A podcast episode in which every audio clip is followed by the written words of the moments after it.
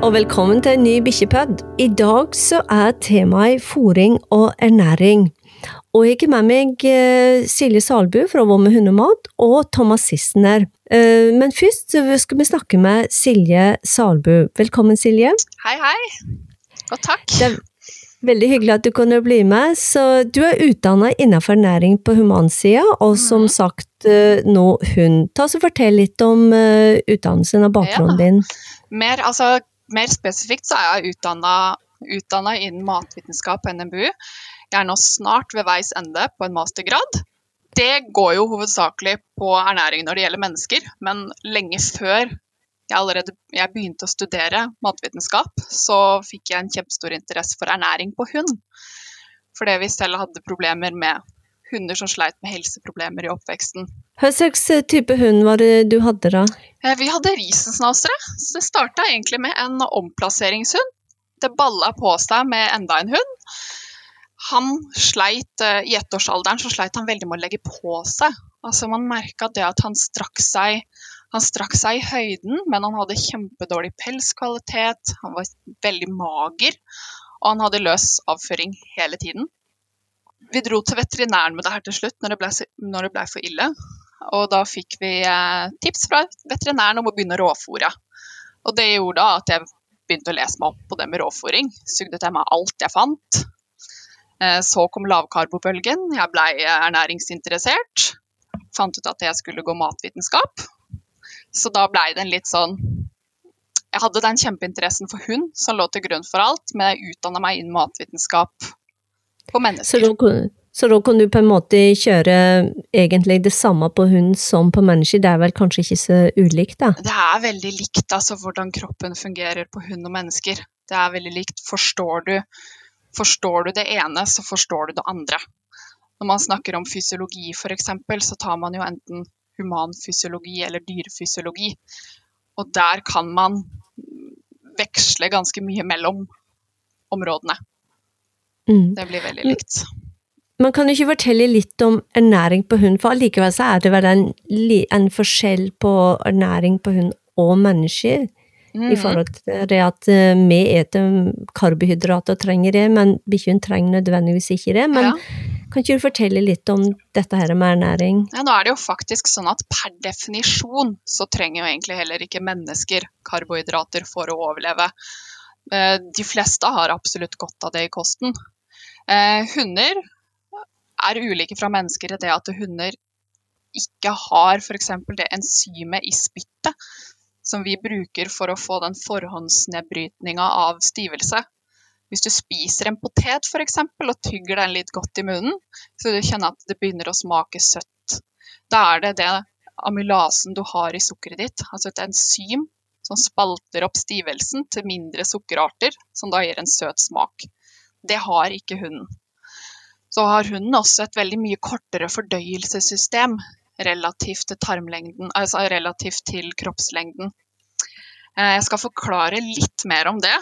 Eh, Jo lengre fordøyelsessystem en- dyreart har, jo bedre tilpassa er den dyrearten til å spise plantemateriale. Altså når du sammenligner plantemateriale og animalsk, altså kjøtt, animalsk føde, så er plantemateriale med mye fiber mye mer tungt fordøyelig. For å fordøye f.eks. For fiber, så trenger, vi, så trenger vi mikrobiomet vi har i tarmen, alle de bakteriene, alle de ulike gjærsoppene som vi har i tarm, tarmene våre, som omgjør det til næringsstoffer som vi kan ta opp litt av. Hunden har ikke en tykktarm, altså ikke noe særlig lang tykktarm. Fordøyelsessystemet er veldig, veldig kort og effektivt. Maten går raskt gjennom. Og fordøyelsessystemet er da laga på lettfordøyelig føde. Altså mat som er lett å fordøye, næringsstoffene er lett tilgjengelig for at hunden skal kunne ta det opp. Men hva slags næringsstoffer er det da som er lettfordøyelige og gjenger fort gjennom tarmsystemet? Eh, næringsstoffer kan være både altså lettfordøyelige og tungtfordøyelige. Det har på en måte lite med næringsstoffene i seg selv å gjøre. Men fiber, f.eks. Ei ku kan leve kun på gress, og det er omtrent bare cellulose. Kua har vomma, hvor den da fermenterer alt fiberet den spiser, til kortkjeda fettsyrer, til fettløselige, til fettløselige vitaminer, som den kan ta opp da inn gjennom fordøyelsessystemet. Den evnen har ikke da hunden som har en mye, altså som har en mye mindre fermentering i magen. Når du fôrer på råfòring kontra tørrfòr, Mm. hva slags av delene er det som går fortest gjennom fordøyelsessystemet? Er det råfòringen, eller er det tørrfòret? I prinsippet så skal det være råfòret som går raskest gjennom, pga. at der er alt av næring veldig lett tilgjengelig. Altså du har animalske proteiner, er det, altså rå animalske proteiner er det hunden lettest spalter opp til mindre ting, som den kan suge opp gjennom tarmene sine og bruke i kroppen. Eh, hvorvidt det i realiteten skjer, det er jo ganske individuelt mellom hunder, egentlig. Jeg har ikke I noen tilfeller dersom hunden har en tendens til å bli f.eks. hard i magen, så vil jo fiber bidra til at det går raskere gjennom magen, og fordøyelsen går fortere. Ja, for det, det kan jeg oppleve med råfòring, at de Mhm. enkelte, ikke alle bikkjene mine, men enkelte bli, kan bli veldig harde i magen når jeg bare råfòrer, så jeg ser at jeg er nødt til å kjøre tørrfòr òg, Ja. i tillegg. Og det er mange årsaker bak akkurat det der. Eh, Det man kan, altså Hvis man opplever da at en hund enten på råfòr eller på tørrfòr får problemer med at enten det stopper litt opp, eller at det blir litt flytende i en periode, så, så vil jeg anbefale å ta et probiotisk tilskudd, altså magesyrebakterier. For det, det at man, det stopper litt opp, eller det at det går litt vel fort igjennom, det trenger ikke bare å henge sammen med hvorvidt det er nok fiber eller nok fiber eller fiber i det hele tatt. Det kan like så godt henge sammen med altså, sammensetninga av bakterier man har i tykktarmen. Det er spesielt eh, Hvis jeg ikke husker helt feil nå, så er det spesielt noen sånne metanproduserende bakterier. Som en hund som skifter over ifra rått, nei, fra tørt til rått. Etter en stund så begynner de bakteriene å dø litt ut. Og da kan magen bli treig. Og det er det jo veldig typisk at folk merker at det går kanskje bra i starten, hunden, magen fungerer bra, og så går det en liten stund, og så blir den veldig, veldig, veldig treig i magen. Og da kan man jo enten velge å Altså personlig, når jeg har hatt hunder som har gått over til råfôr, så har jeg egentlig bare tynt de gjennom det. Eh, Men man kan også tilsette litt kokte grønnsaker, tilsette litt tørrfôr i den i en overgangsperiode.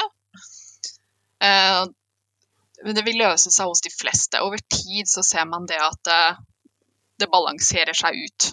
Nå har jeg jo Men en pers- kan, man òg bruke ris? Er ikke Ja. ris brukbart, liksom? Det er veldig fint, men ris kan også bidra, vil også bidra til å binde magen. Men det som er, er at det hjelper til å gi litt mer volum. For den og binder opp, suger opp litt vann, og det gir litt mer volum. For den Det som skjer når det som skjer når f.eks. rent kjøtt, altså et råfôr, fordøyes, det er at der er det ikke noe fiber som er med på å binde opp vann. Og fôret har så ekstremt høy fordøyelighet, altså det er godt over 90% av både fett og protein. Så kroppen tar opp så å si alt av næringsstoffer. Kroppen suger til seg alt av vann. Altså Råfôr inneholder jo mellom 60 og 70% vann, så det er ganske mye vann kroppen suger opp.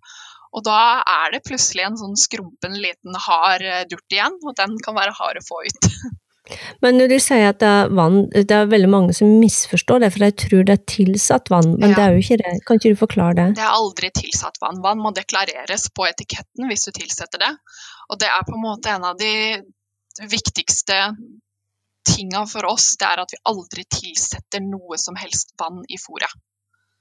Der er Men kjøtt, altså ulike former for uh, ulike former for kjøtt, innmat, inneholder ulike mengder vann. Generelt sett så er det mellom 60 til 70% vann. Du kan også gå ned i 50 når det er mer fettrike deler. Men jo mer fettrik det er generelt, jo mindre vann er det i hver enkelt råvare. Så man ender da opp på en 60-70% på i hvert fall fôra våre. Det var interessant, for jeg merker det, for jeg fôrer på de forskjellige, og enkelte syns jeg er mer våte enn andre, så det er jo det som er årsaken. Mhm. For de som er med mindre fett i, det er altså mer våt, for å si det Ja, slik. du tenker på variasjon, altså at de forskjellige pølsene kan variere, batchene?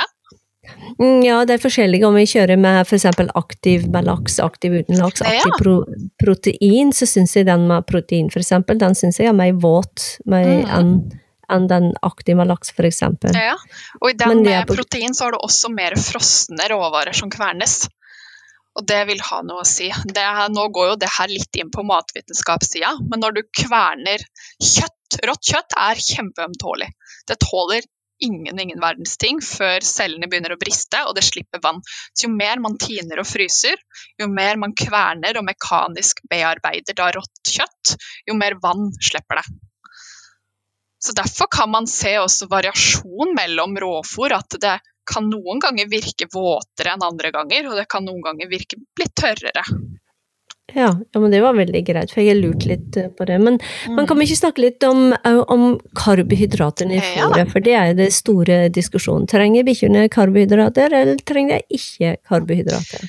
Eh, Jeg vil si det sånn at altså, Hundene trenger ikke karbohydrat, på samme måte som vi mennesker egentlig ikke trenger karbohydrat. Eh, Nå er jo riktignok hundene litt bedre tilpassa et liv uten karbohydrater enn vi mennesker.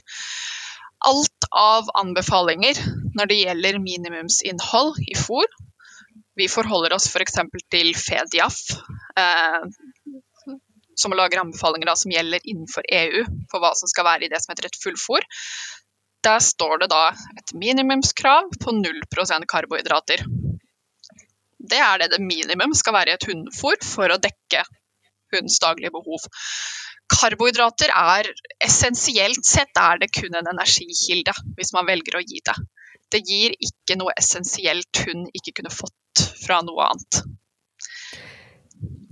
Men er det slik at um, uh, når det gjelder altså, Kan det omdanne karbohydrater fra protein? Er det, det slik det er, eller er det jeg som helt Ja, du tenker omdanne protein til eh, karbohydrater? Ja.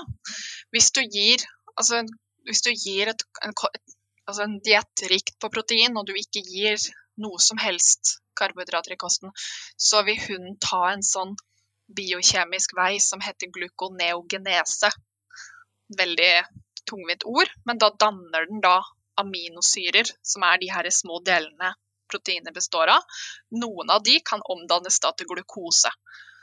Man ser det på sledehunder som råfôres. Jeg så en studie for en tid tilbake hvor de hadde undersøkt da blodsukkeret. For det er jo det noen bekymrer seg med over for at hunden skal få lavt blodsukker og ikke yte like bra dag etter dag. Der hadde de hatt de sledehundene ute hver eneste dag. De hadde målt blodsukker, de hadde målt eh, eh, de hadde målt det her hver dag et, før de dro, etter de kom tilbake.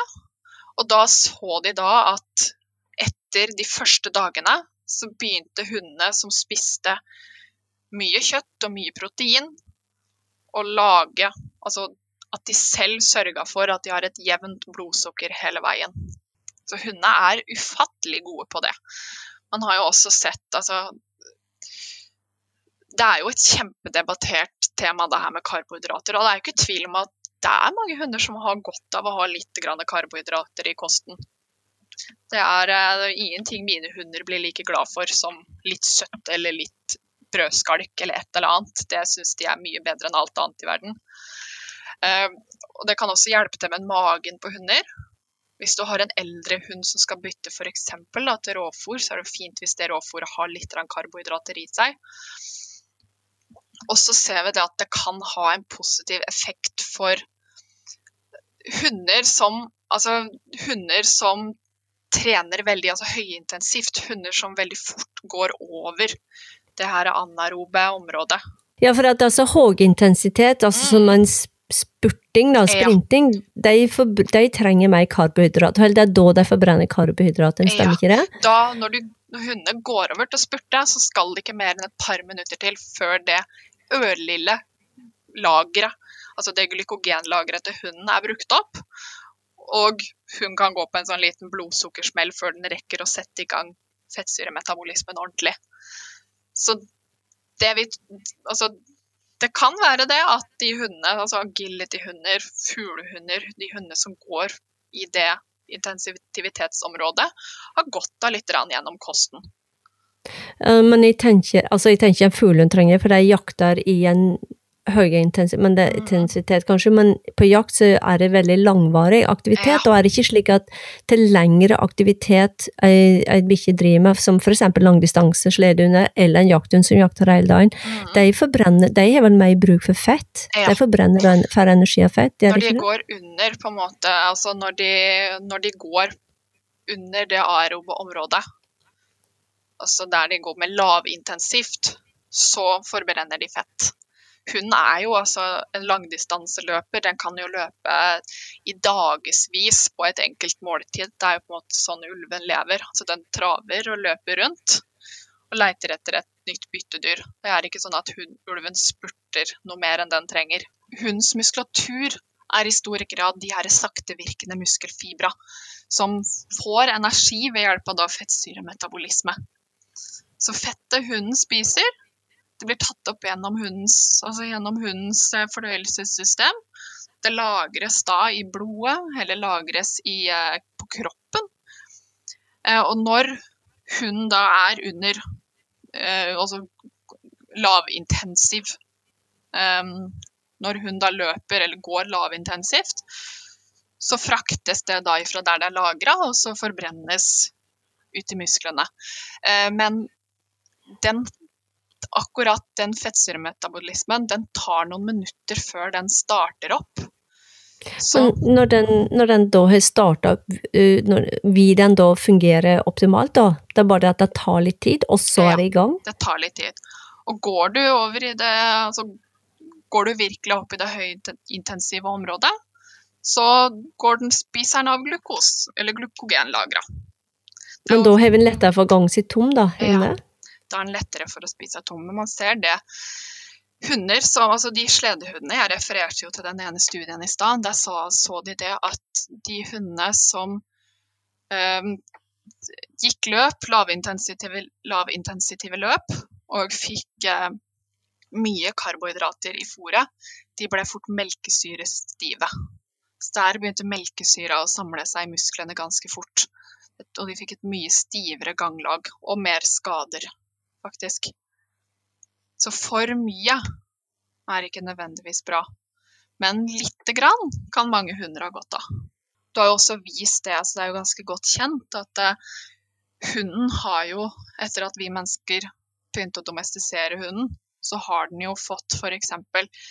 flere kopier av gener som koder for altså nedbrytning av stivelse. Så det er ikke noe tvil om at noe har skjedd i hund når det gjelder uh, det å fordøye stivelse.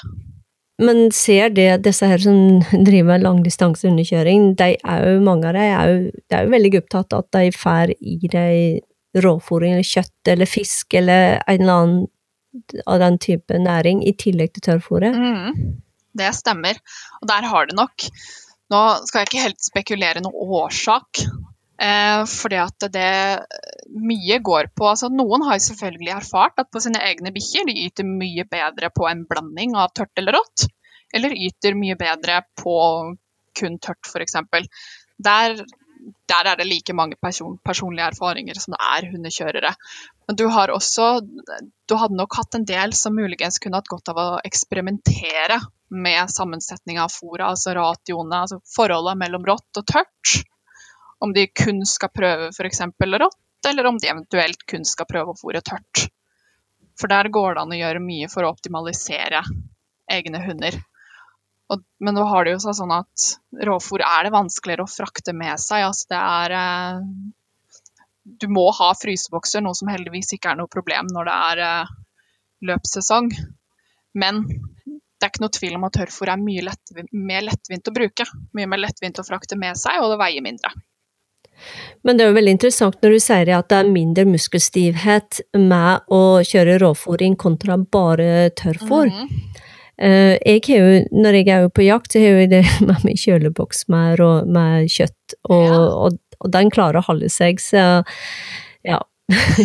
Nå kom det veldig mye inn på råfòring og, og så videre. Men en annen ting som jeg, jeg lurer på, for det, det finnes jo bikkjer som ikke tåler så mye protein, som blant annet schæfere. Jeg vet jeg har vært borti schæfere Mm. som reagerer, som får en allergisk reaksjon Ja. av proteiner. Vet du noe om det? Ja, det går nok ikke på mengdene i seg selv, det går nok mer på typene protein.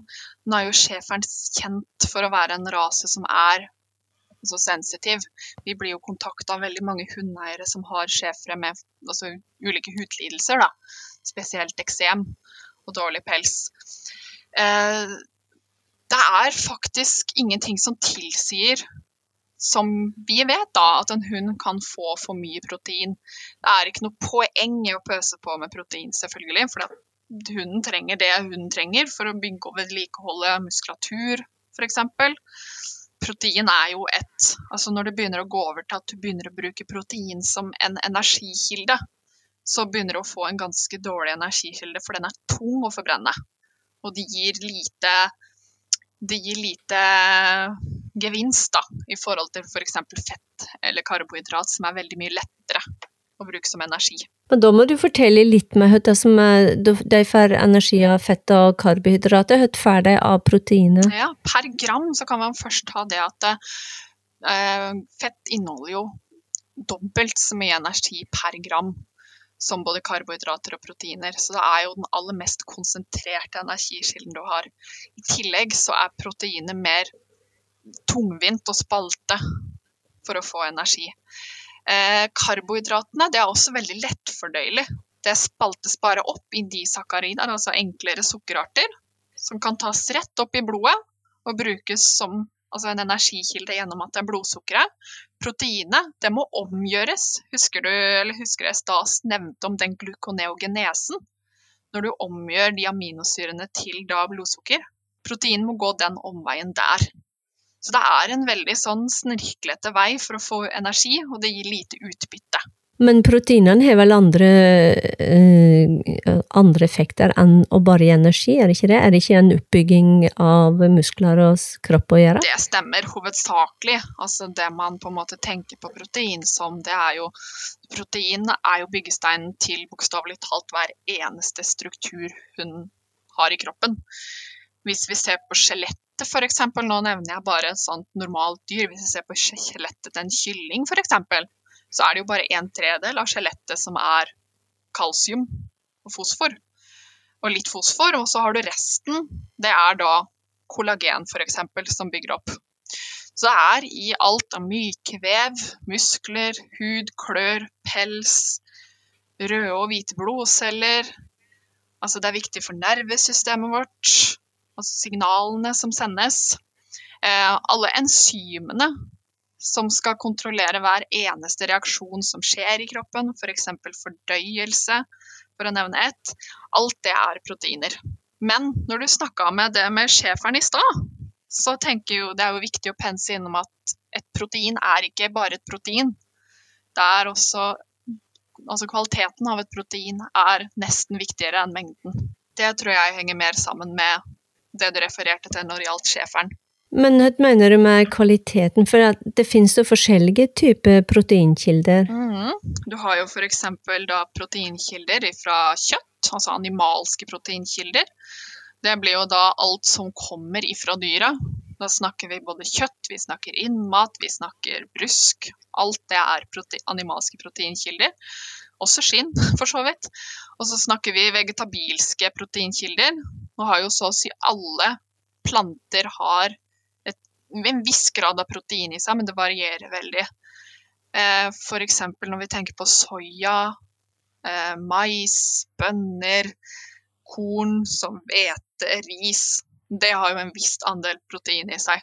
Jeg kan jo gå gjennom litt med proteinkvaliteten der, for der er det en ganske vesentlig forskjell.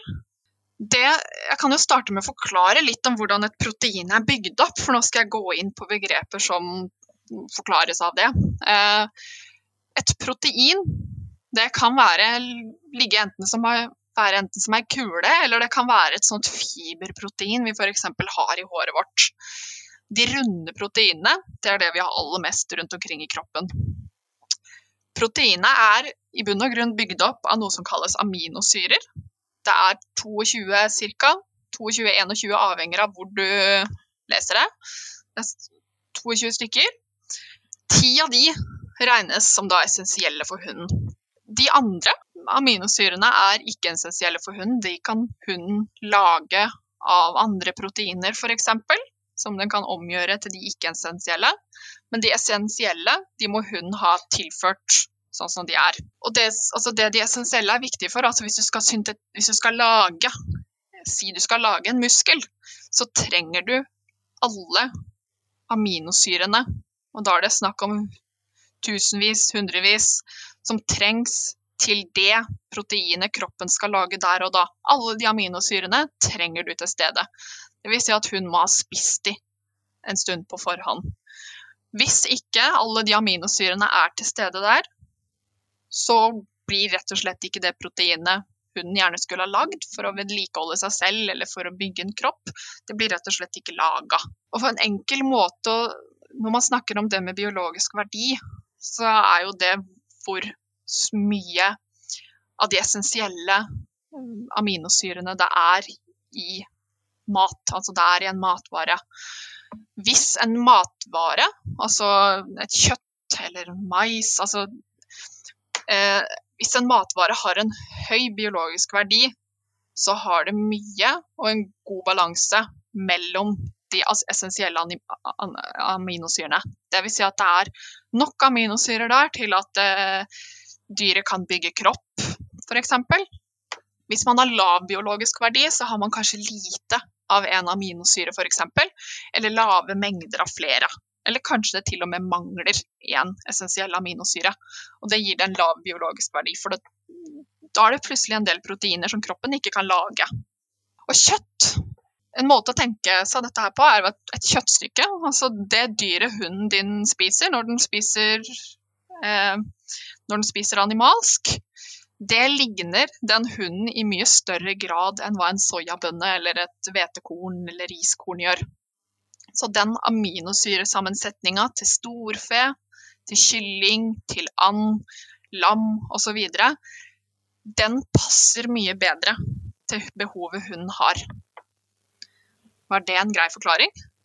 Ja, men da lurer jeg på, er det nok med én type, eller er det viktig med forskjellige typer? For jeg vet hva med hundemat har blandingsprodukter, og da bruker de ikke en blanding av både kylling, storfe, mm. lam osv. Er det viktig å ha den bredden i de aminosyrene? Ja, det er begrensning i noen former, altså i ulike former for kjøtt. Det er ikke alle Altså, noe kjøtt kan ha litt mindre av én aminosyre, noe har litt mer enn en annen aminosyre. altså alt alle råvarer har sin, alle dyrearter har sin egen næringsprofil. Da. Og så kommer jo i tillegg det med allergier inn i bildet, når det gjelder det å fôre på kun et enkelt protein. Men det med å fôre, flere varianter er viktig også når det kommer til fettsyrer, f.eks. At du skal få dekka og du skal få tilført de fettsyrene hun trenger. Også for vitaminer og mineraler. Ja, for at eksempel når jeg fôrer, så fôrer ikke jeg bare på én type eh, f.eks. aktiv med laks. Jeg kan mm. bytte på f.eks. protein eller aktiv uten laks, eller puppy, ja. eller and. Altså, jeg, jeg varierer, varierer, mye om de forskjellige. Mm. Og det er kjempebra. Altså eh, Når det gjelder det å Vi tenker ofte at det er jo mer variasjon, desto bedre. En hund kan fint gå på bare én variant med vom eller én variant på tørrfôr hele livet. Men eh, det har seg også sånn at hundene våre er fra naturens side veldig glad i variasjon. så hunden får Hunden kan altså få dekka det minimumet den trenger fra en variant, men det som er, er at du merker ikke helt hvis hvis du gir lam og den har litt begrensa av en aminosyre, så vil du på en måte ikke nødvendigvis merke det, for forskjellen er så liten. Så vi syns det er Altså, vil, altså hvis man vil, altså hvis man har muligheten til det, så anbefaler jeg absolutt alle å variere så mye man, man kan innenfor de retningslinjene man har. Eller de rammene man har, da. Ja, for jeg gjør det på tørrfôr. Jeg bytter på For jeg, hever, jeg kjører kornfritt. Jeg vil jo ikke ha hvete og, og, og, korn i, i, til mine bikkjer lenger uh, i forhold til det her med gluten og negative effekten av gluten. Og det kan man faktisk òg se på bikkjene, som er faktisk negativ um, påvirka av gluten. Uh, det var jeg ikke klar over før jeg lærte det, og jeg har lært å se det, som òg kan skape faktisk veldig ubalanser og skjevheter i annet bekkenet. Ja, gluten er jo på noen måter et altså, det er jo på noen måter et fantastisk protein. For at, altså, vi kunne jo aldri ha bakt boller hvis vi ikke hadde hatt gluten. Men det som er gluten, har en helt, helt egen evne. Altså, det er ingen andre proteiner som ligger i gluten i evnen gluten har til å gi utsondring av et, uh, altså et stoff i magen vår som gjør at de spaltene, altså de spaltene mellom cellene i tarmveggen vår, åpnes opp. Så det betyr ikke at de åpnes, altså åpnes helt opp, men at de får litt større de, Cellene havner litt lenger mellom hverandre, og som da kan føre til at halvford, altså sånne ikke ferdig fordøyde partikler av mat da, klarer å trenge gjennom eh, den tarm, altså tarmen og inn i blodbanen. Så det er helt, helt unikt med gluten. Og noen hunder kan fint spise gluten, mens andre har større problemer med det. Når det gjelder allergi, så har jeg sett at Nå kan jeg jo snakke litt om allergier og sånt også. Når det gjelder allergi, så har jeg jo stort sett sett at det er veldig få hunder som har altså, faktiske allergier imot det. Det er nok mer snakk om altså, de er sensitive til det, eller at de er intolerante til det. Og det betyr at, at de er sensitive, det er en ikke en allergireaksjon, det er en litt annerledes reaksjon. Men som kan f.eks. gi symptomer som kløe, og også som du snakka om, altså det kan påvirke hvordan Altså det kan påvirke rett og slett bekkenet, altså nervene våre. Eh, så har du de intoleransene, og det er rett og slett at ikke hun klarer å fordøye det skikkelig. Og Da er det fordel at eh, folk eh, bytter fôr, men det er det mange som gjør når de har bikkjer som sliter med allergier og klør, så bytter de fôr og bytter fôr, men man kanskje bikkjene må ha en Hvor lang periode må de ha når man bytter fôr, da, for at man skal se om, om det er fôret som er årsaken til det. Jeg har jo personlig sett bikkjer endra på sju dager, så jeg har sett forandring når jeg bytter. Det kan gå veldig fort. Akkurat det er nesten forskjellig fra hund til hund. Det er noen det kan ta litt lengre tid på. Og det jeg har sett, er at det avhenger litt av eh, de som har vært mest plaga, og de som det har tatt lengst tid for å se noe positiv effekt med, f.eks., det er jo de som gjerne da har fått veldig, veldig mye antibiotika i en ung alder, og som da helt tydelig sliter med at der er, her er det ubalanse i tarmen. Det, de kan bruke litt lengre tid. Eh, vi anbefaler jo, altså hvis folk skal prøve VOM for å se om er det en allergi, er det en intoleranse, er hunden min altså, er det noe i maten hunden min spiser nå den ikke tåler, så anbefaler vi absolutt at man prøver å velge noe man tror hunden tåler. Og det vil si, altså Har du en hund som har spist enten et tørrfôr eller råfôr med kylling, storfe og svin i seg, og kanskje litt laks, som er i de fleste av fôra våre, så anbefaler vi at da prøver man f.eks. lam eller and. Og da ser man jo at de fleste hos de fleste så begynner jo, man begynner å tydelig se at symptomene forsvinner av i løpet av kort tid. Men for, man, for at man skal kunne finne ut hva man, hunden faktisk er allergisk mot, så forutsetter det at hundens reaksjon faktisk At man faktisk kan lese hundens reaksjon, at den er såpass kontant at man nesten vet det dagen etterpå. Og derfor da når man går noen uker uten et fôr hun reagerer på, så har kroppen slutta å danne antistoffer mot de allergenene som, eh, som er i fôret.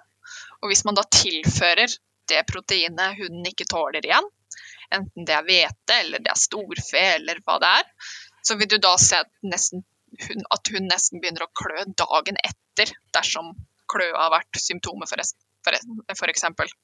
Og da vil man vite at det er det den, den her reagerer på. Ja. For når hunden er, altså når hunden er um, sensitiv mot et protein, så er det det er som regel en reaksjon, altså at hunden reagerer på noe som tilføres over tid. Eh, mens en allergi, altså nå kan man jo skille mellom milde og kraftige allergier.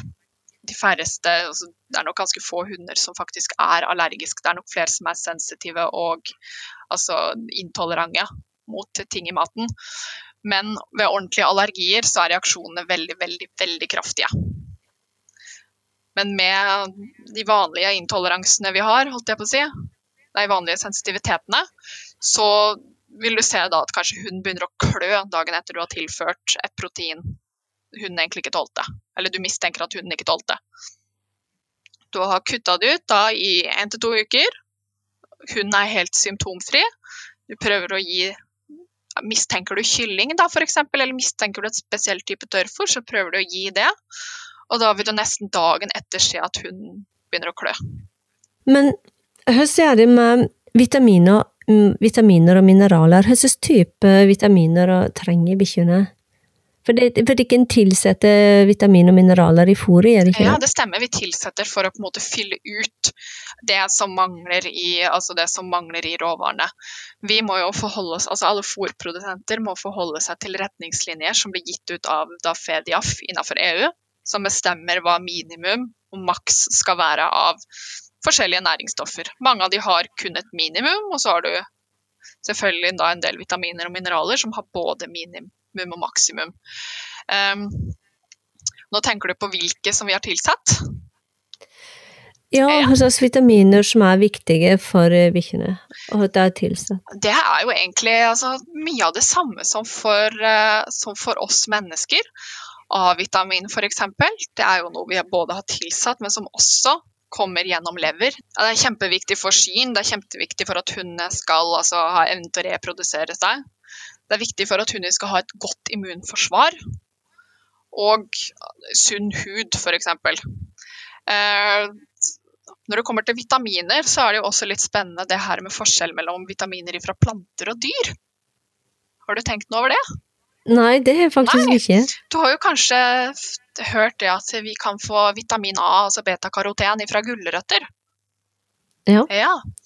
Du har jo vitamin A. Det foreligger jo i både en dyreform, altså den vi dyr har, og en planteform som plantene har. Og noen dyr kan spise den planteformen, og så omgir de den, altså spesielt beitedyr kan spise det i planter, og så omgjør de det til den dyreformen. Kjøttetere har typisk altså dårlig evne til å konvertere f.eks. beta-karoten fra gulrot til A-vitamin i kroppen. Så hunden for hunden er den desidert beste kilden at det kommer fra f.eks. en naturlig kilde som lever, eller fra en kilde den kan ta opp via vitaminer og mineraler som er tilsatt. Det samme gjelder egentlig også i vitamin D. Der har du også det, Vitamin D er jo veldig viktig for absorpsjonen av næringsstoffer, og det er også viktig for at hunden skal utvikle et sunt skjelett. Der har du jo D3 som hører til dyr, og så har du D2, vitamin D2 i planter.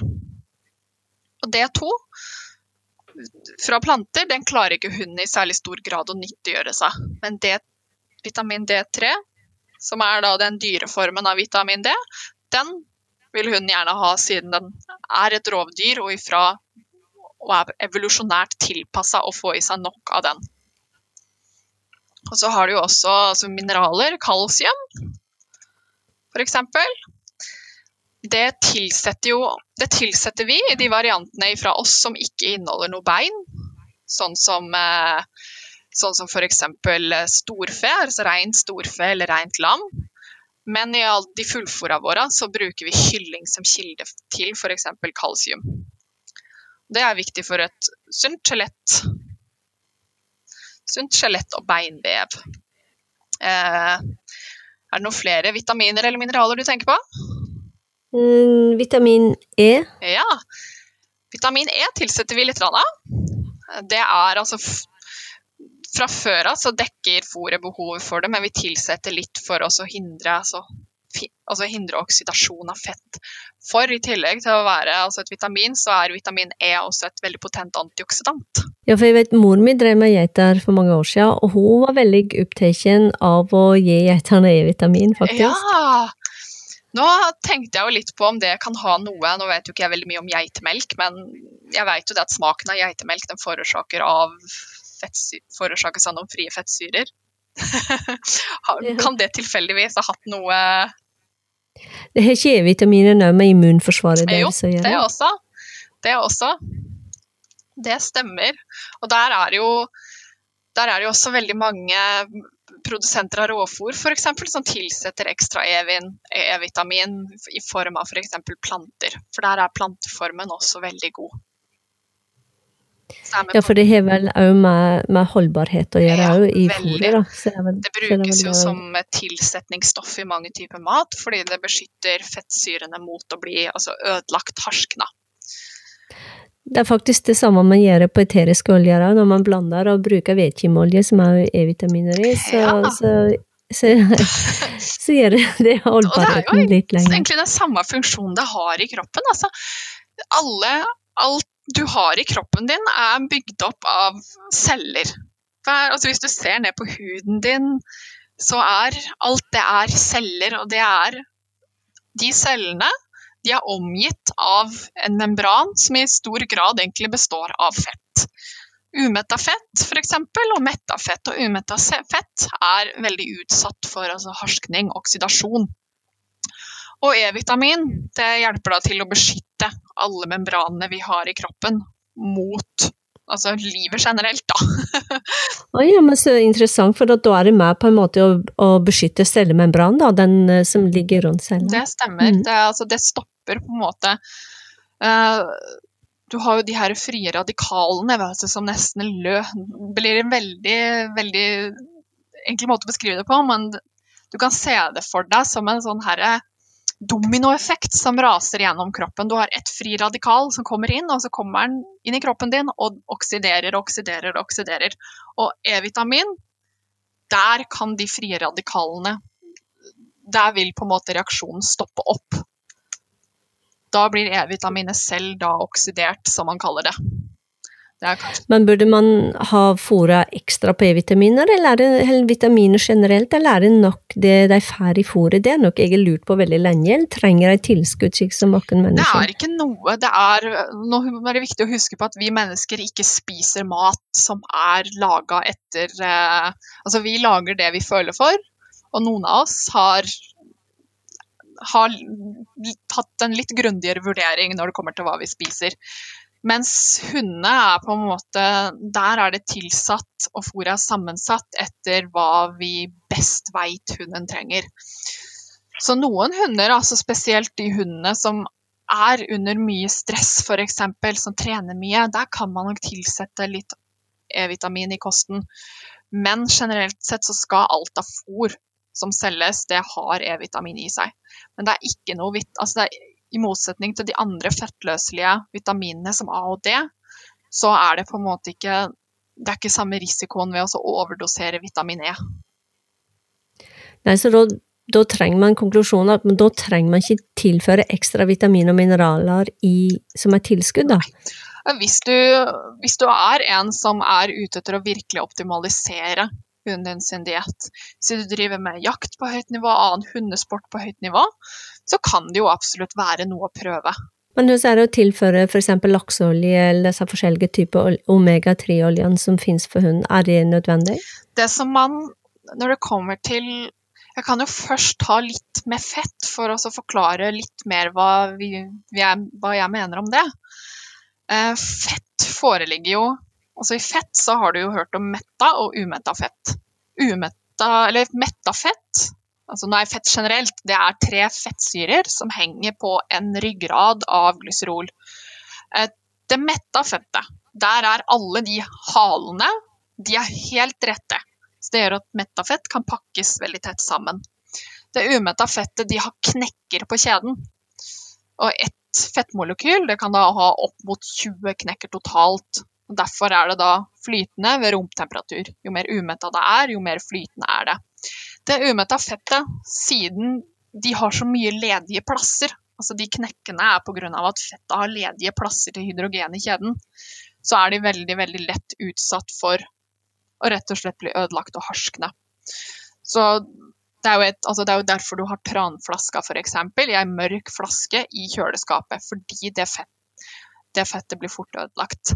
Og omega-3-fett, altså EPA og DHA, det er en av de flermetta fettsyrene som har veldig mange knekker på kjedene sine. Det betyr at de har veldig, veldig mange plasser hvor, hvor, eh, hvor hydrogen kan komme inn, og også, hvor oksygen kan komme inn og ødelegge fettet. Så det beste er å få fett altså fra en naturlig, altså fra en hel kilde, fra hel mat. For da veit man det. altså Med mindre det ikke lukter harskt, så veit man at det fettet er fortsatt godt bevart. Når det kommer til oljer, f.eks., altså omega-3-oljer, så når de står i lys, når de står i romtemperatur alt, Alle de tinga her de er med på å ødelegge omega-3-fettsyrene. Og da, er det egentlig, da blir de i større og større grad ubrukelige for kroppen. Så omega-3 er kjempe, kjempesensitivt. Det gjelder for så vidt for de fleste. Altså, også omega-6-fettrike oljer. Men er det slik at bikkjene trenger det, som f.eks. lakseolje? da? Mm. Det er kanskje litt fascinerende det jeg sier nå, men visste du det at minstebehovet til en voksen hund for altså DHA og EPA per dag i forhold til retningslinjene faktisk er null? og det, altså, vi veit jo det. Altså, jeg vil jo absolutt stå og si her og si at eh, omega-3 er gunstig for hunder. Omega-3 er absolutt bra for hunder. Omega-3 er også bra for mennesker. Men det er ikke etablert noe minste noe minimumsbehov enda.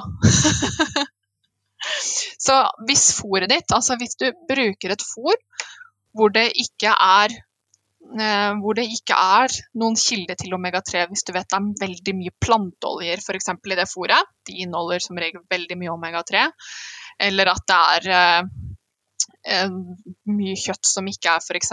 laks, altså som ikke er fisk, så vil jeg anbefale å tilsette. Det vil jeg. Men det beste, altså det beste er jo rett og slett gi hunden en omega-3-rik råvare, altså hel men da må man ha laks i fôret, da. Da må man ha f.eks. Mm. den som Dikken hever, som heter Aktiv med laks. Da. Ja, den kan du bruke fra oss. Og en spennende ting er jo også det at lam, eh, taste lam, inneholder faktisk også veldig mye omega-3. Grassbeita dyr inneholder generelt altså, gode mengder med omega-3. Så det kan i mange, i mange, tilfeller hos oss mennesker være det altså, at et måltid med lam eller et måltid med grassbeita storfe er rett og slett som å spise et fiskemåltid. Det visste jeg ikke. Er, eh, nei, hvis du ser den balansen mellom omega-3 og omega-6, det er jo veldig spennende. Si, for omega-6 er det som promoterer inflammasjon, altså betennelser, mens omega-3 er det som er med på å dempe det. Og begge deler er kjempeviktig.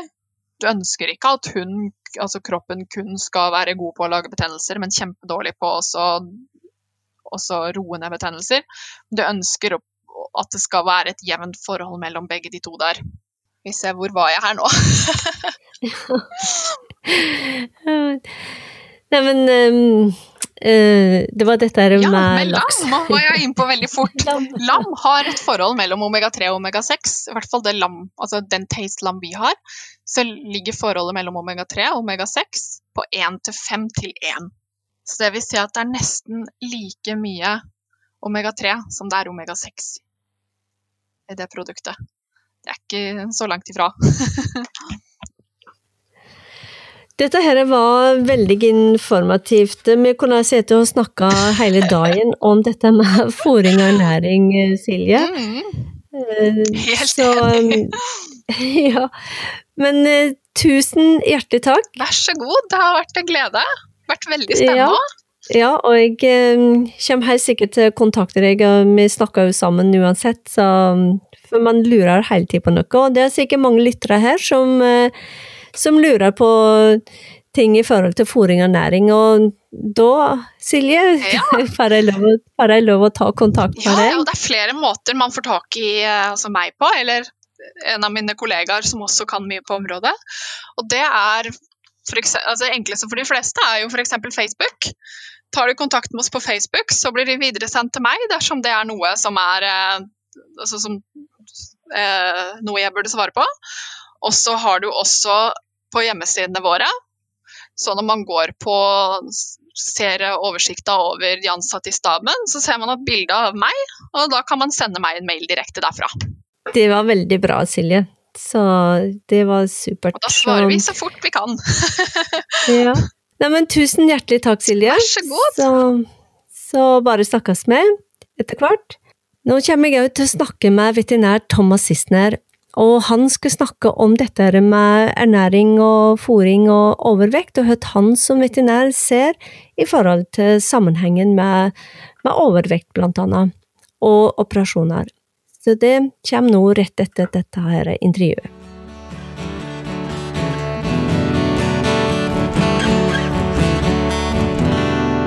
Ja, med meg her så har vi veterinær Thomas Sissener fra Din dyreklinikk. Og jeg har akkurat hatt et uh, samtale med Silje Salbu i Vom hundemat om uh, ernæring av hund. Men nå har jeg lyst til å høre fra en veterinærsynspunkt hva han ser i forhold til dette her med ernæring og, og forskjellige typer problemer og skader. Velkommen, Thomas. Tusen takk. Så fortell meg litt om det du har sett i forhold til dette med ernæring og hund. Ja, det er helt klart at vi har sett uh, at uh, ernæring påvirker hvordan type vekst hunder har. og en rask vekst kan kobles til utvikling av ortopediske sykdommer. Um, og da spesielt både overernæring og problemer med Eh, feilernæring, sånn som f.eks. Eh, enkelte av disse hjemmelagde eh, diettene, og feil også med f.eks. kalsium og fosforus i, i, mat, både hjemmelaget og, og, mat som er produsert for, for, hunder. Og det er en av de grunnene til at det har vært nå i de siste seks til åtte årene da spesielt en stor vekt lagt på eh, mat for eh, forskjellige grupper, eller forskjellige raser, da. Og spesielt det med valpefôr til, til, store raser. Og det er for å prøve å begrense litt denne voldsomme utviklingen de har, voldsom vekst de har, som fører til eh, mange ortopediske problemer. Hva slags type ortopediske problemer du ser? Ja, altså Kanskje de som er eh, helt klart og kan eh, påvises uten tvil. At det er påvirket direkte av eh, ernæring, er eh, osteokondrose, altså når man får løs, løs brusk i et ledd. og det eh, Kanskje de fleste kjenner det i albeledd og skulderledd, men det kan også skje i, i haseledd eller hundens ankelledd og eh, kneledd, og til og med også i enkelte raser i, i ryggen. Og det er helt klart at eh, det har blitt koblet opp mot, eh, mot overernæring. Eh, og vi ser spesielt at hunder som har en eh, veldig rask eh, fase med vekst, altså nå er det snakk om stort sett medium og store raser, eh, de er veldig predisponert til osteokondrose. Og da spesielt hvis de har eh, noen av disse underliggende gener for osteokondrose også i, i linjene sine. Så kan man motvirke det med god ernæring, da? Absolutt. Og det er flere studier som, som viser eh, hvor Eh, hvordan ernæring kan påvirke ortopediske tilstander. Eh, kanskje den som er mest kjent, er en eh, større studie fra USA, hvor de fulgte en gruppe med 48 labrador retrievere som bodde på en, en slags institusjon, eller studie, studieforskningsinstitusjon, hele sitt liv. Og de var da Kull var delt i to. Eh, og det var totalt 48 labrador retrievere og 24 i hver gruppe. Eh, og de eh, bl.a. ble fòret eh, samme fôr, men én gruppe fikk da lov til å spise Altså hadde fòret stående ute. Og den andre gruppen, de ble fòret da med 10% mindre enn det den andre gruppen spiste villig. Og så ble de fòret da på spesifikke perioder, to til tre ganger om dagen. Og så ble maten tatt opp da det, det de ikke spiste. Um, og Der så de på mange forskjellige typer, og de, de var jo fra samme gengruppe, samme rase, de fikk samme aktivitet. Det var ikke noe forskjell mellom eiere, for alle disse bodde på samme, samme sted. Og man kan påvirke øh, ortopediske tilstander var det som, som ble undersøkt. Da. Og blant annet hvis de har hofteleddsdysplasi, så kan man påvise at den gruppen som fikk da 10% mindre å spise enn det, de som spiste helt fritt, da, og fikk spesifikke måltider to-tre ganger om dagen, de hadde 60% mindre hofteleddsdysplasi enn de som spiste eh, frivillig, eh, altså hadde maten stående ute hele tiden. Der kan vi se en, en, tydelig forskjell hvor vi har kontrollert både for gener og eh, eiere og alt sammen. Eh, og der er det nesten kun bare fòring som, som, påvirker. Så det kan ha veldig, veldig stor effekt. Samme gruppe ble også fulgt eh, ut livet sitt. Eh, og de kunne eh, bevise da at eh, den gruppen som hadde mindre mat, altså som var en litt slankere gruppe, da, eh, de hadde et betydelig lengre liv og eh, et betydelig lengre tidsintervall før de begynte å få kroniske sykdommer når de var eldre. Det er også pga. ernæring. Så det betyr altså at det er overvekten som gjør det at de blir rett og slett overvektige? At de får både forkorta liv og kan utvikle HD? Ja, jeg tror det er, det er, flere ting her. Det er ikke bare overvekten, men det er helt klart også en periode, spesielt når de er unge, hvor de vokser veldig fort. Eh, og, og, så klart også fordi at de spiser mye, så er de nok kanskje litt på den lubne, lubne siden, altså litt overvektig. Og så på sikt så er det også det at disse hundene eh, som bærer ekstra vekt over et liv, det påvirker da også eh, leddene. Eh, altså leddene har mer stress og må, må, må være må, må, tåle mer belastning, og da blir det også mer slitasje. Men hvordan alder er det valpene er når de vokser som fortest? Hvilken periode er det som den raskeste vokseperioden? Ja, vi ser at eh, den, det vi ser, i hvert fall i, i min praksis, da, med, spesielt med osteokondrose i, i skulderledd, så er det ofte sånn seks-syv måneder eh, alder. Og de fleste som kommer, så mm, når vi har diagnosert dette her og beskriver Eiere vil ofte vite ja, hva, hva har skjedd, er det noe jeg har gjort, eller er det noe med overaktivitet, eller så vi sier at nei, er ofte eh, kommer etter en periode hvor, eh, hvor, hun har vokst. Og så vil de ofte si ja. Eh, I forrige måned så hadde den en, en, voldsom vekst. Og det er ofte i den seks, syv, åtte, ni måneder eh, perioden. Så da må man være veldig gubbs på hvordan man fôrer bikkjen, da? Ja, absolutt. Så jeg tror at det viktigste her er å, å, å, vite at det er ikke bare at man må ha en, en god kvalitetsfôr som har, er sammensatt med, eh, med, de tingene man trenger. Og så var litt inne på kalsium og fosforus. Det er også eh, ikke, ikke, bare kalsium, ikke bare fosforus. En riktig blanding av kalsium og fosforus er veldig viktig.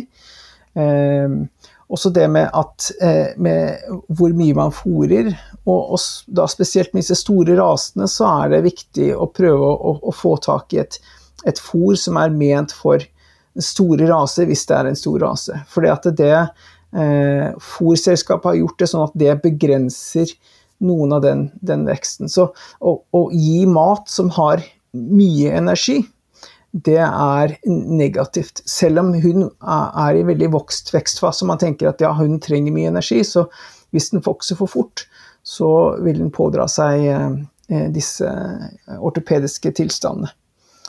Men er ikke det de valpefòrene er balansert opp mot uh, nettopp Det er derfor det heter valpefòr? At det er liksom tilpassa?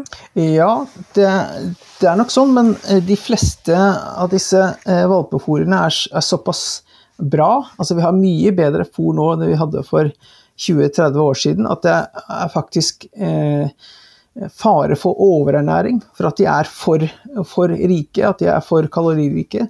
Så derfor så eh, har man da gått over til å, å, å, å ha enkelte fôr for spesielt av disse store rasene, for å begrense noen av den, den voldsomme veksten de har.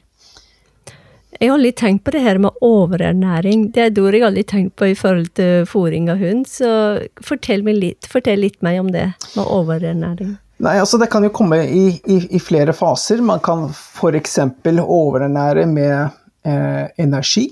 Altså at man gir eh, ekstra ting som tilfører mye ekstra energi. Sånn som f.eks. at kanskje et fôr er litt mer rikt i, i, fett. Eller kanskje man tenker at eh, jeg skal gi hunden min eh, fiske, ekstra fiskeolje. Eh, for å ha en blank pels og, og, og gode ledd. Omega-3 som kjent er veldig bra for ledd, omega-6 er eh, veldig bra for hud. Eh, så, men det tilskuddet det er en olje, og olje har mye kalorier, mye energi. Da tilfører man da ekstra olje. Og så kan man f.eks. overnærere ved å tenke at dette er en hund, barn, de drikker jo melk. valper, de er jo pattedyr, de trenger sikkert ekstra kalsium, ekstra fosforus. Så er den en dyrefôret du har kjøpt hos veterinæren eller kjøpt i dyreklinikken, den er allerede, den allerede har en, en beregnet kalsium- og fosforusforhold. Og så gir du ekstra kalsium, og det ødelegger det forholdet. Sånn at du får en, en kalsium-fosforus-imbalanse, og så får du da disse ortopediske problemene. Så det kan enten hende med at huden vokser for fort eller får mye energi, eller at den får feilernæring eller overernæring ved at vi er for snille med, med tilskudd som vi tror huden trenger, som den egentlig ikke burde ha. Så da betyr det at fôret i seg selv, som er så bra som du sier, de har alt det bikkjene trenger, da, så vi trenger altså ikke tilføre ekstra, for det er noe jeg selv lurer på, trenger jeg det ekstra vitamin og mineraler og olje? Jeg er liksom ikke helt blir klok på det, liksom. Nei, altså hvis man kjøper fôr fra en, en anerkjent produsent, altså en produsent som er uh, som er uh, godkjent for å produsere fôr, da, for å si det sånn, Eh, så er det balansert og, og testet. Eh, altså disse 48 labrador retrieverne som jeg eh, snakket om tidligere, de er faktisk Det var en studie som kom ut av en, en av de store fôrprodusentene, da, som hadde disse laboratoriene stående på sin, på sin forskningsinstitutt for å prøve forskjellige fôr.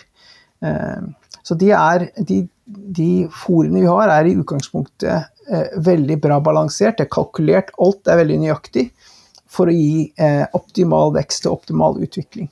Og hvis vi tilfører ekstra ting, så kan vi faktisk ødelegge det og faktisk gjøre hunden vondt. Mye mer enn det vi hadde, hadde tenkt til å gjøre da. Ja, for det er jo veldig godt å vite.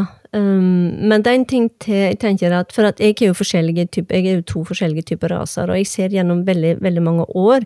Så for det om jeg fôrer på på irsksetterne mine, så ser jeg at næringsopptaket er veldig forskjellig. Det har veldig forskjell på mengde og kanskje type fôr jeg må bruke på dem. Det varierer. Jeg har noe å si om det, for at man kan ikke jeg leser ikke på sekkene, folk sier det stender bak på sekkene. Jeg ser aldri på sekkene, eller på Jeg får og kjører tørrfòr.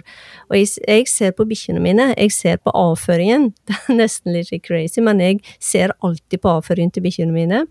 Og jeg ser på hva slags hold de er i, og det bestemmer hvordan jeg, da, jeg fôrer dem.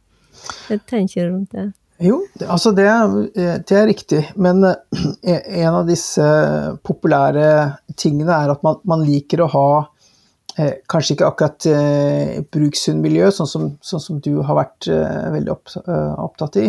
Men sånn generelt så liker man å se litt sånn lubne, litt sånn småtykke valper. Man tenker det er da, det er da de er friske.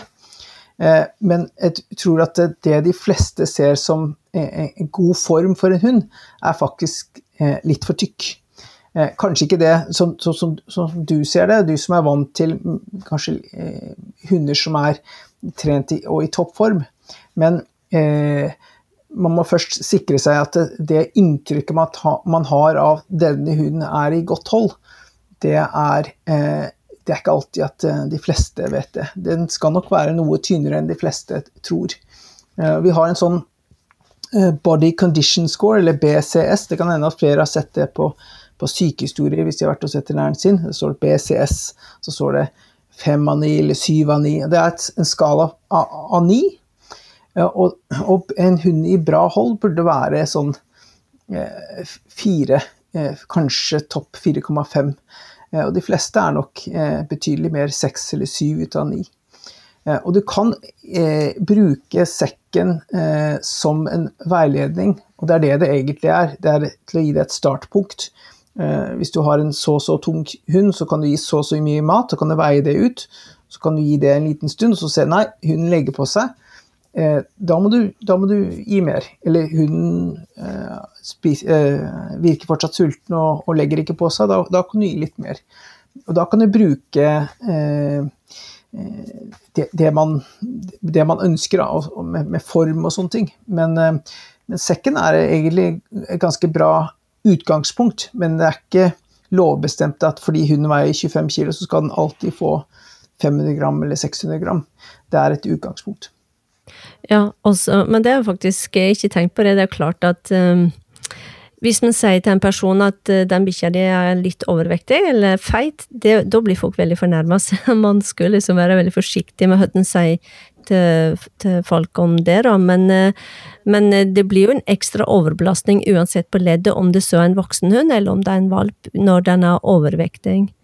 Ja, absolutt. Og det er det er ikke alltid lett å, å, å si til en eier at eh, hunden din eh, veier for mye, men jeg tror de fleste eh, er veldig glad i hundene sine. Eh, de vil hundens beste. Og hvis du som helseperson sier at her kan hunden din ha et, et, bedre livskvalitet ved å veie mindre, så tror jeg de, de meste følger det. Og på, på vår klinikk så har vi så har vi et par av våre dyrepleiere som er veldig opptatt av ernæring. Og jeg tror de fleste dyrlegekontorene har en veterinær eller dyrepleier som er opptatt av det, og, så, og som har sånn vektklinikker hvor du kan gå inn og veie hunden din, og du kan få en slags eh, veileder, da, eh, eller cheerleader, eller hva man vil kalle det.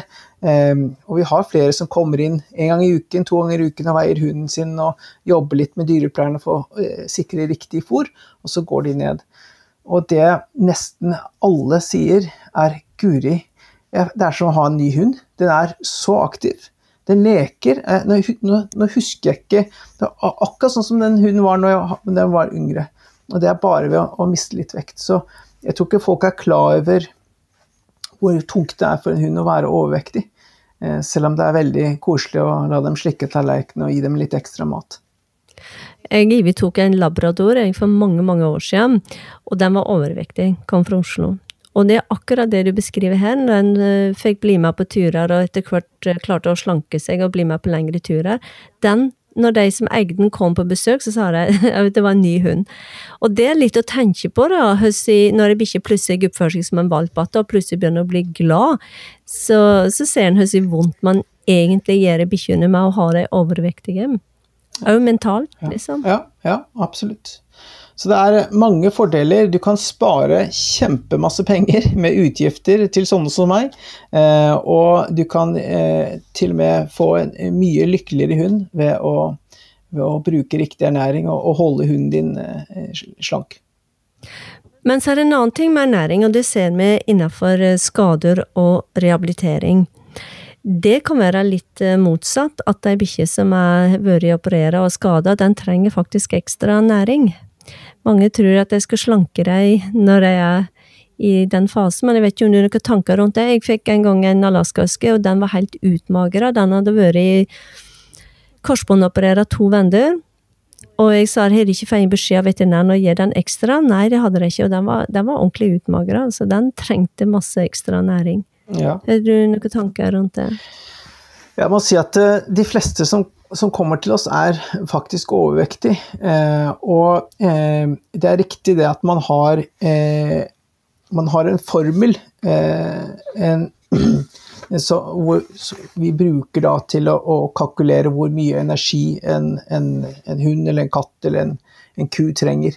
Og den, der har du en, en, slags faktor, en multiplikasjonsfaktor, eh, som du kan da legge, legge på til slutt.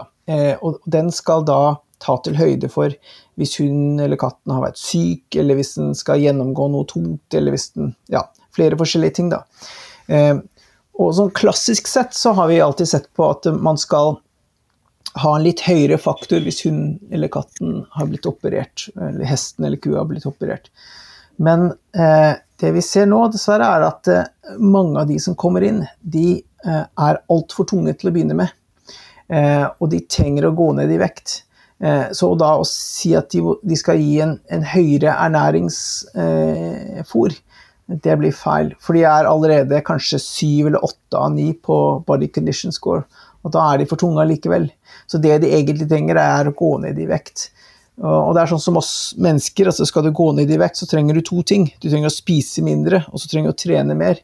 Og disse hundene som er operert, de får ofte ikke trene så mye som de vanligvis gjør. Eh, og da hvis de skal spise like mye som de har gjort, så vil de ofte faktisk gå opp i vekt i postoperativperioden. Så et, jeg, i prinsipp så er jeg enig med deg. Ja, det er, sånn det, det er sånn vi lærer det på skolebenken når vi, er, når vi går gjennom ernæringsklassene på, på, på veterinærskolen.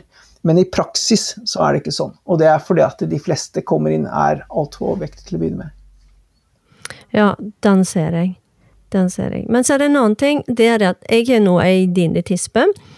Og, um, og um, tidligere så hadde jeg mor hennes, det var ikke hennes var, Jeg eide ikke henne, men jeg hadde henne, og da fikk jeg beskjed om at hun var så dårlig tispe, hun ville ikke amme valpene sine, sa eieren, eieren til meg. Og ja vel, så jeg hører at du sier, og så brydde meg ikke om det, og så fôra jeg hun halvannen kilo kjøtt om dagen. Og valpene fikk fire og en halv kilo når de ble større. Det var jo 13 valper. Um, men hun amma valpene til levering, og da slo det meg, og da sier eieren at både hun og valpene var gode runde.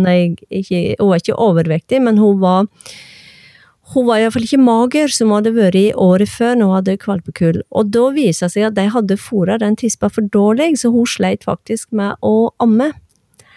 Um, så jeg ser òg det når jeg hever dine tisper, at de trenger virkelig ekstra næring når de dier. Ja, absolutt. Og det er en av de periodene hvor vi ofte anbefaler ekstra næring. Og det er helt klart at uh, det er mange forskjellige hormoner som spiller inn i ernæring også. Uh, Altfor mye at vi kan gå for dypt inn i her, men, men um, det er helt klart at å være dine tispe, det gir et veldig, veldig stort energibehov et, kanskje en av de største i, i sin liv.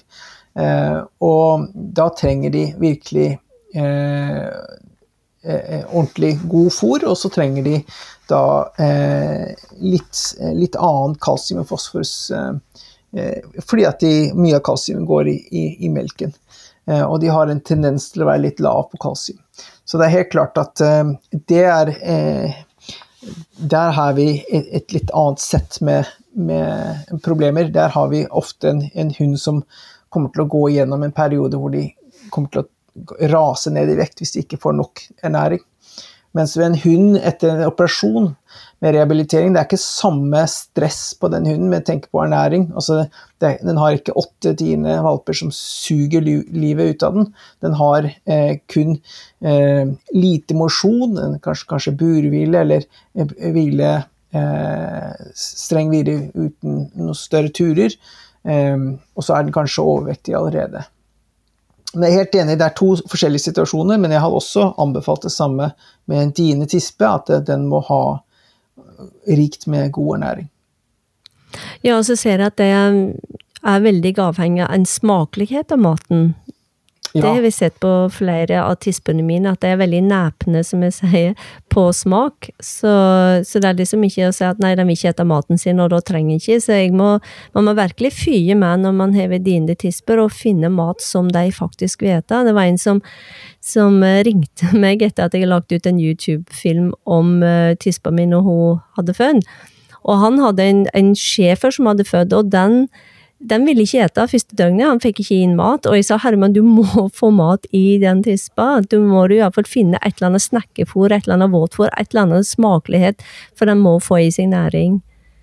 Ja, og det er helt riktig, og det er viktig for oss også postoperativt. Altså, eh, våre dyrepleiere på operasjonsavdeling de er veldig veldig flinke til å gi Eh, noe mat, eh, noe slik med rekonvalensmat eller en protein, altså en energirik mat, sånn som Hils AD eller eh, spesifikk rekonvalens eller en av de andre, for å få dem i litt mat til å begynne med, for de, de, har ikke spist dagen før, og prøve å få dem inn i å spise igjen og få dem inn i rutine. Men det er helt klart at smakelighet spiller en stor rolle, og man kan f.eks. se enkelte hunder nå som har fòrallergi, hvor eh, du vil kanskje eh, Altså en av de tingene vi ser på ortopedisiden, da, er at det, mange av disse spesifikke leddfòrene, sånn som f.eks. Hills JD, Joint Diet, den er veldig ekstra rik i omega-3 fettsyrer og, forskjellige ting som er veldig gode for leddene. Eh, men det er ikke alle som spiser den, eller så er det flere som har Eh, eh, allergi mot kanskje en eller annen protein eh, eller karbohydrat i maten. Og da, da kan vi ikke bruke de matene. Så man må, man må, se på både smaken og man må se på, på andre helseutfordringer som gjør kanskje at en, en mat er bedre enn en de andre. Ja, er det andre ting du ville sagt om uh, ernæring og det du ser i forhold til operasjoner, Thomas? Nei, altså bare sånn generelt sett at, uh, at vi ser dessverre veldig mange overvektige hunder, og at uh, hvis man kunne få dem litt mer ned i vekt, uh, sånn generelt sett, så ville man kunne uh, kanskje spart dem sykdommer, eller i hvert fall gjort at en rekonvalens fra en sykdom er, er mye, mye lettere. Og det med å Har du et valpekull og har du en, en ung, ung hund, så vil jeg absolutt anbefale at du prøvde å holde dem litt bitte slank og ikke sånn tønnerund. Og at man fòret eh, enkelte spesifikke ganger om dagen og tok opp maten etterpå. Eh, det er mye bedre enn å la den stå ute. Så da er det slik at uh, er de usikre på hvordan de skal fôre bikkjene deres, så ikke nøl med å reise til veterinæren og få litt råd og veiledning om fôring og næring om bikkja di er overvektig. Som Thomas sier, så er det ikke bra for bikkjene å være overvektig. Både i forhold til utfordringer i forhold til leddet, og det kan også forkorte levetiden for bikkjene. Stemmer ikke det, Thomas? Absolutt. Absolutt. Mm. Tusen hjertelig takk, Thomas. Ja, takk for at du kunne bli med. Ja, ha det bra. Ha det, ha det.